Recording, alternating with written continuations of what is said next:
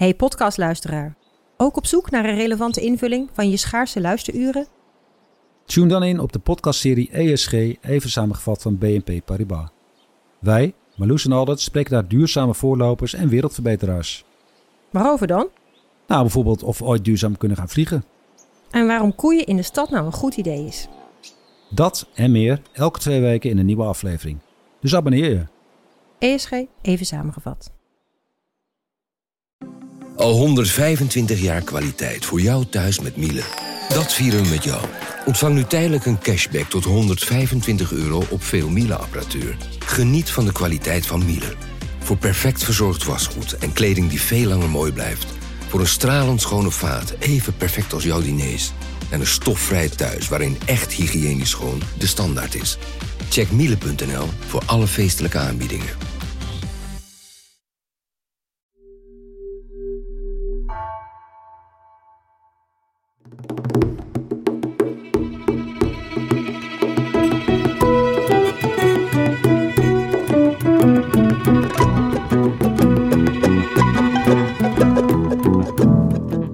Woedend was Winktor toen hij ontwaakte en merkte dat hij zijn hamer miste.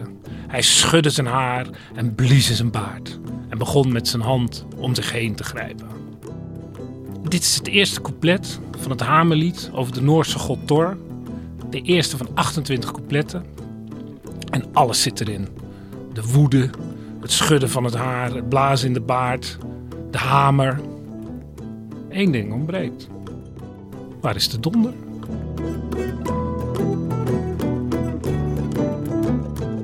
Welkom. Wij zijn Onbehaarde Apen. Dit is een zomerserie van NRC over het weer. Hendrik, ik vond dat jij het gedicht prachtig voordroeg. En ik ben ook heel benieuwd of Thor aan het eind zijn hamer terugvindt of niet. Wat denkt je zelf, Gemma? Ja, ik hoop op een happy end. Tuurlijk, maar Dat- op een hele rare manier. Ehm, maar ik ben eigenlijk nog nieuwsgieriger naar dat ontbreken van die donder. Want ehm, ik associeer Thor juist, het enige waar ik hem echt mee associeer, is, is donder en bliksem. Hè? Je hebt, eh, ik heb mezelf laten vertellen dat er nu een of andere eh, film in de bioscoop is van Marvel, waarin Thor een soort midlife crisis verkeert. En die heeft ook de naam Love and Thunder. Ja. Eh, Maar, maar dat is ook volkomen terecht dat je dat met donder en bliksem associeert. Dat, dat, dat, dat gebeurt al honderden jaren. Want kijk, de naam Thor, of in het, eh, dat is zeg maar de Scandinavische naam, in, in, in meer West-Germaanse talen is het donar, thonar. Dat is ook de oud-Germaanse vorm. En dat betekent gewoon donder. Dus de man heet gewoon donder. Dus ja, is dat een dondergod of niet? Ik weet dus echt heel weinig van Thor. Ik associeer hem een beetje met de Noorse mythologie. Ja, maar ja, ja. vertel even kort van wie, wie is hij? Wat, wat weten we wel over hem?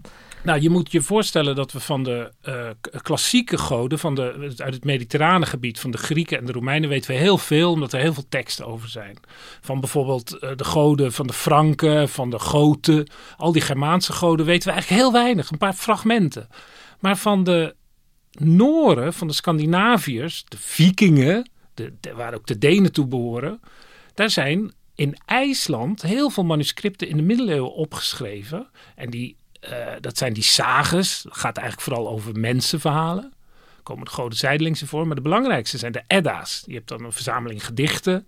En meer een verzameling eh proza verhalen. En daar komen ook al die goden in voor. Dus al die godenverhalen van Wodan en eh, de, het, het, het, het bouwen, het Walhalla en eh, het, het Ragnarok aan het einde der tijden. Dat ze tegen de reuzen moeten gaan vechten, de godenwereld. En dat dan de, de wereld vernietigd wordt. Komt allemaal uit die verhalen. en daar komt Thor dus ook. Thor speelt daar een heel belangrijke rol. En een beetje een opvliegend karakter als ik zo Ja. uit dat beginnen. Ja, de meeste verhalen eh, bestaan eruit dat er in de godenwereld, wat eigenlijk bijna een soort superhelden zijn, wat dat betreft is die Marvel-associatie helemaal niet zo gek, eh, ontstaat een bepaald probleem.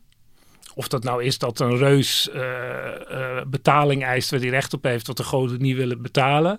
Of er gebeurt iets anders. Uiteindelijk komt Thor met zijn hamer en die slaat dan die reus met één klap dood. Dat is een beetje een korte samenvatting, maar daar komt Ja, het toch lekker. meestal wel op neer. Agressieve kort lontje. Ja. Ja, en een enorme kracht. En, eh, en in allerlei eh, beschrijvingen heb je dan ook. eh, Wodan wordt dan een beetje als oppergod gezien. Thor doet de donder. En dan heb je nog Freya van de liefde. Net zoals we die uitsortering hebben bij de Griekse godenwereld en de Romeinen. Ja, dan- je zegt in de beschrijving doet hij de donder, maar als we die verhalen onder de loep nemen, kom- komt daar dan ook donder in voor? Nou, dat is, dus de, dat is dus de interessante kwestie. Dat hij wordt altijd een dondergod genoemd. Maar er is dus een. eh, er is dus in 2018, dus eh, vrij recent eigenlijk. Een, een, een, eh, een Britse taalkundige, Declan Taggart. Die heeft een boek geschreven. How Thor Lost His Thunder. Dus Changing Faces of an Old Norse God, 2018. En dat, ja, daar beschrijft hij eigenlijk van, waar is het? Waar is het? Gaat hij alles langs? Alle verhalen die nog oh overgeleverd de- zijn. Ja, de- de- hij kan ze gek niet opnoemen. En hij vindt gewoon een paar hele kleine verwijzingen. Die hij dan weg kan redeneren, zo moet je het ook wel zeggen. Maar als je het ziet, denk je, ja, hij heeft gelijk.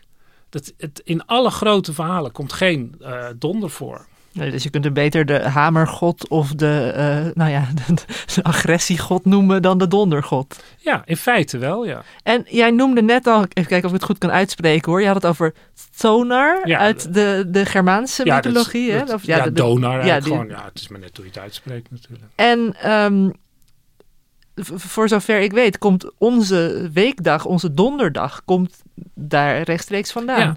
En wat je dus ziet is dat er een. een eh, kijk, de beste man zou ik bijna zeggen. Eh, die avonturier die, die eh, eh, als god functioneert in die verhalen. Die heet Donder.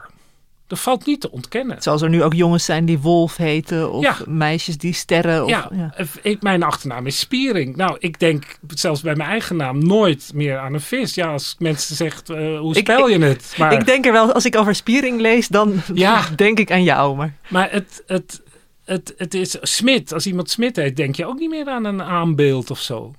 En zo is het idee van die, van die, tag, van die eh, Taggart.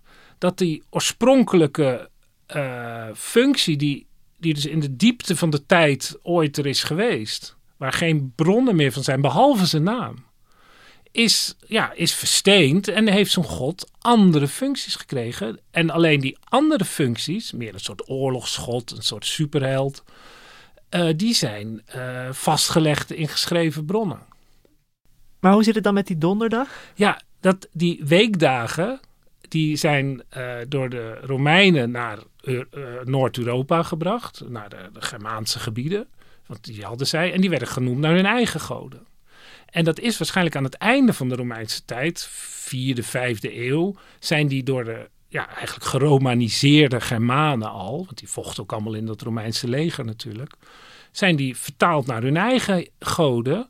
En die zijn eigenlijk heel simpel eh, vertaald. eh, Wodan, eh, ja, woensdag. ja, Wodan werd woensdag. Dat werd dan met eh, Mercurius. ver- ja, die werden dan gelijkgesteld aan elkaar. En donderdag was Jupiterdag. En Jupiter is een, een van de eh, minst omstreden dondergoden. Dus het is echt wel een dondergod eh, van oorsprong. En die- hij heeft die, al die, dat, dat bliksemt ook heel vaak bij Jupiter. En dus er werd gewoon gedacht, nou, wij hebben Donar. We noemen die, die, die dag donderdag.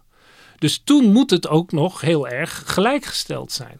Ja, of in ieder geval gelijk genoeg Ja. dat hij het meest op Jupiter Ja, leek. het is een soort dat- datering dat hij dus eh, toen nog wel als dondergod Ja. werd ervaren. En misschien leek hij ook wel op Jupiter omdat hij net zo achter de vrouwen aan zat. Of net, net ja, zo, maar dat weten we allemaal niet Nee. natuurlijk.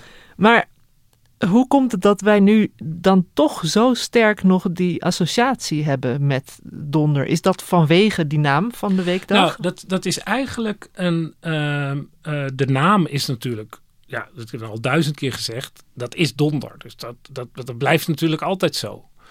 En eh, wat je ziet is dat die al in de christelijke tijd...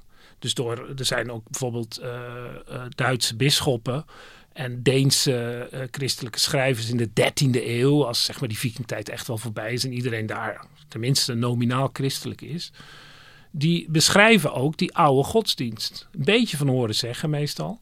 Maar die schrijvers in de middeleeuwen zijn ook eh, heel erg geschoold in de klassieken. Dus die hebben ook dat automatisme om om Donar met Jupiter gelijk te stellen, dat hebben ze heel erg. En sommigen zeggen dat ook expliciet. Dat ze daar eigenlijk ook, dat ze dat eigenlijk ook niet willen. Maar ze doen het toch. Dat is echt waar. Dat zeggen ze. We willen die Romanitas eigenlijk helemaal niet in die beschrijvingen doen. Maar het gebeurt natuurlijk voortdurend. Wat je dan vervolgens ziet in de wetenschappelijke tijd van de. Die begint eigenlijk in de 18e eeuw, dat alles kritisch wordt bekeken en geanalyseerd. Wordt eigenlijk dat overgenomen omdat er dan ook zo'n idee is van in de verlichting keken ze ook een beetje neer op, die, op dat geloof. Dat werd ook gezien als een soort primitief idee. Dus ja, die primitievelingen, wij weten wel beter, die denken dat ieder natuurverschijnsel een eigen god moet hebben. Dus god van de liefde. Het wordt allemaal als een soort, uh, soort departementaal systeem. Dat er ieder, ieder verschijnsel moet zijn eigen ministerie hebben. Ja, een soort hokjesdenken in de wetenschap. Ja, ja, in de mythologische wetenschap eigenlijk. En er is ook wel geschreven over die, dat gaat dan vooral over de 19e eeuw, als al die categoriseringen wordt gedaan, dat die mythologische uh, hokjesdenkers, die, ja, die weten donar, dat betekent donder. Dus ze zeggen, nou, we hebben het etiket op het potje gezien. En niemand denkt meer kritisch na. Nee. nee, en dat vind ik zo, dat was voor mij echt een eye-opener van die Taggart die gaat gewoon al die verhalen langs die dus in, de, in eigenlijk in IJsland in de 13e eeuw zijn opgeschreven. En dat is natuurlijk toch een soort reflectie van die verhalen. Zo was het ook bedoeld. Van nou, we zijn de verhalen aan het vergeten. We gaan ze nu even opschrijven. Het was eigenlijk bedoeld voor Noorse koning. Die moest het ook allemaal een beetje leren. Wat zijn roots waren. En, uh, maar er komt helemaal geen donder in voor. Maar als je dat in je hoofd hebt dat het over een dondergod valt, dan valt het eigenlijk helemaal niet op. Nee, maar het is wel goed dat er iemand, hè, dat zal voor meer dingen in de wetenschap gelden, dat er iemand als vraagteken zet bij een soort traditie die klakkeloos eh, van de een op de andere wetenschapper wordt overgenomen. En dan wil ik wel iets positiefs over de Marvel-film zeggen. Maar natuurlijk, ja, dat is natuurlijk wilde fantasie wat er allemaal in Heb jij hem gezien of niet? Nee, maar ik heb een nauwkeurige beschrijving uh, ervan gekregen. Daar komt uh, de bliksem, hij heeft daar de bliksem, Thor, maar die krijgt hij van Jupiter. Ah. Dus dat is, laten we zeggen, historiografisch helemaal correct. Ja. Omdat in het huidige beeld van Thor... Worden ze gelijkgesteld? Wordt die bliksem is eigenlijk een, een soort plakker van, uh, van uh, Jupiter erbovenop. Ja, ja, dus approved by Jupiter mag die ook even met de bliksem spelen. Ja, zeg maar. het zit in de film iets ingewikkelder. Oké, okay, ik word nu wel nieuwsgierig, moet ik zeggen. Dat... En wat ik dan nog wel heb, hè, van nou leuk, je hebt het net al, hè, goden als een soort superheld. Uh, of juist, uh, zoals het dan vroeger werd gedacht, als verklaring van natuurkracht. Maar ja, wat, wat als Thor zijn donder niet meer heeft, wat, wat betekent zo'n god dan nog? Ja, dat is dus, hoe kijken wij eigenlijk naar die godenwereld in die tijd? Wij zijn heel erg geneigd om dat ja, bijna rationeel te zien. En nemen die verhalen dan ook heel, ja, als een soort weerslag van het geloof. Hè, de Noorse godenverhalen, zo heet het ook. Maar als je nou zeg maar een niveau dieper kijkt, dan zie je bijvoorbeeld dat Thor was echt een belangrijke god. Uh, in, in de late vikingtijd zie je heel veel, het hamer was een symbool, zie je heel veel van die hamers. Iedere viking die had bij wijze van spreken om zijn nek zo'n hamertje hangen. Er zijn ook heel veel historici die zeggen, ja dat komt door christelijke invloed. Niet uit concurrentie per se, maar denkt, oh die christenen hebben zo'n kruisje, oh, dat vinden wij wel leuk, dan doen wij het. En sommigen hebben ook allebei hangen. Dus dat, het, het, het, het idee dat je Thor aanroept om steun in een soort, ja, als een soort kracht die jou beschermt. In een soort spiritueel wereldbeeld waarin geesten, goden, elfen. Ook iemand tegen wie je een beetje op kon kijken dan, hè? Een soort. Ja, en, en waar je een, een, een beroep op kon doen en waarmee je zelf moed in kon spreken. Als je ten strijde ging, want dat deden die vikingen natuurlijk nogal eens. Dus het speelt wel degelijk een hele belangrijke rol. Maar niet op de manier zoals wij denken dat waarbij iedere god eigenlijk minister van zijn eigen departement is. Nee, nee. Want Thor functioneert als een soort uh, oorlogsgod, maar dat doet Wodan eigenlijk ook.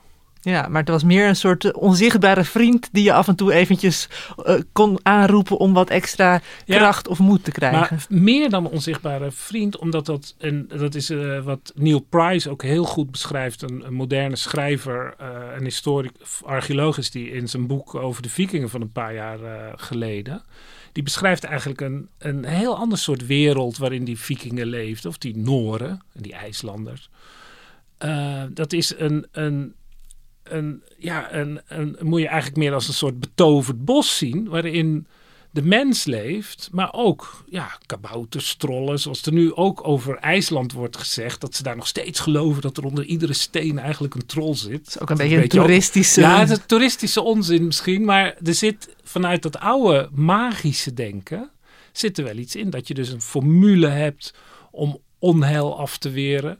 In feite is oude religie veel meer magie, zoals wij nu magie zien, dan zeg maar een ordelijke religie is helemaal niet ordelijk. Neil Price die, die schrijft zelfs in zijn boek, dat is echt ontzettend grappig, dat waarschijnlijk die, die vikingen zelf ook niet helemaal precies meer begrepen hoe het nou allemaal zat. Want het zijn ook allemaal, die verhalen die er zijn, dat zijn allemaal thema's die eindeloos gevarieerd worden. En het zijn ook verhalen zoals ze zijn opgeschreven. Die moeten de aandacht trekken. Dus je moet iedere bladzijde weer iets nieuw geks Ja, een soort uh, cliffhanger moet je dan... Uh, en eigenlijk was dus meer dan de donder... was die hamer dan de constante in ja, al die... er zijn meer constanten. Hij heeft ook bijvoorbeeld een, een, een, een kar die met geiten wordt voorgetrokken. Oh ja, we kunnen hem ook de geitengod noemen ja. vanaf nu. Maar eigenlijk sta ik ook te popelen om nu een keer met jou naar de bioscoop te gaan. Om samen die film te ja. gaan kijken. En dan dat jij af en toe even fluistert wat er allemaal uh, mythologische onzin dan wel uh, correct is in die film. Nou, Hendrik, heel fijn dat jij voor ons even de dondergod ontbliksend hebt in deze aflevering. Uh, Rosa van Toledo, dankjewel voor de productie. En Jeroen Jaspers en Bas van Win, bedankt voor de muziek. Wij zijn er over twee weken weer met wederom een zomeraflevering over het weer. Tot dan!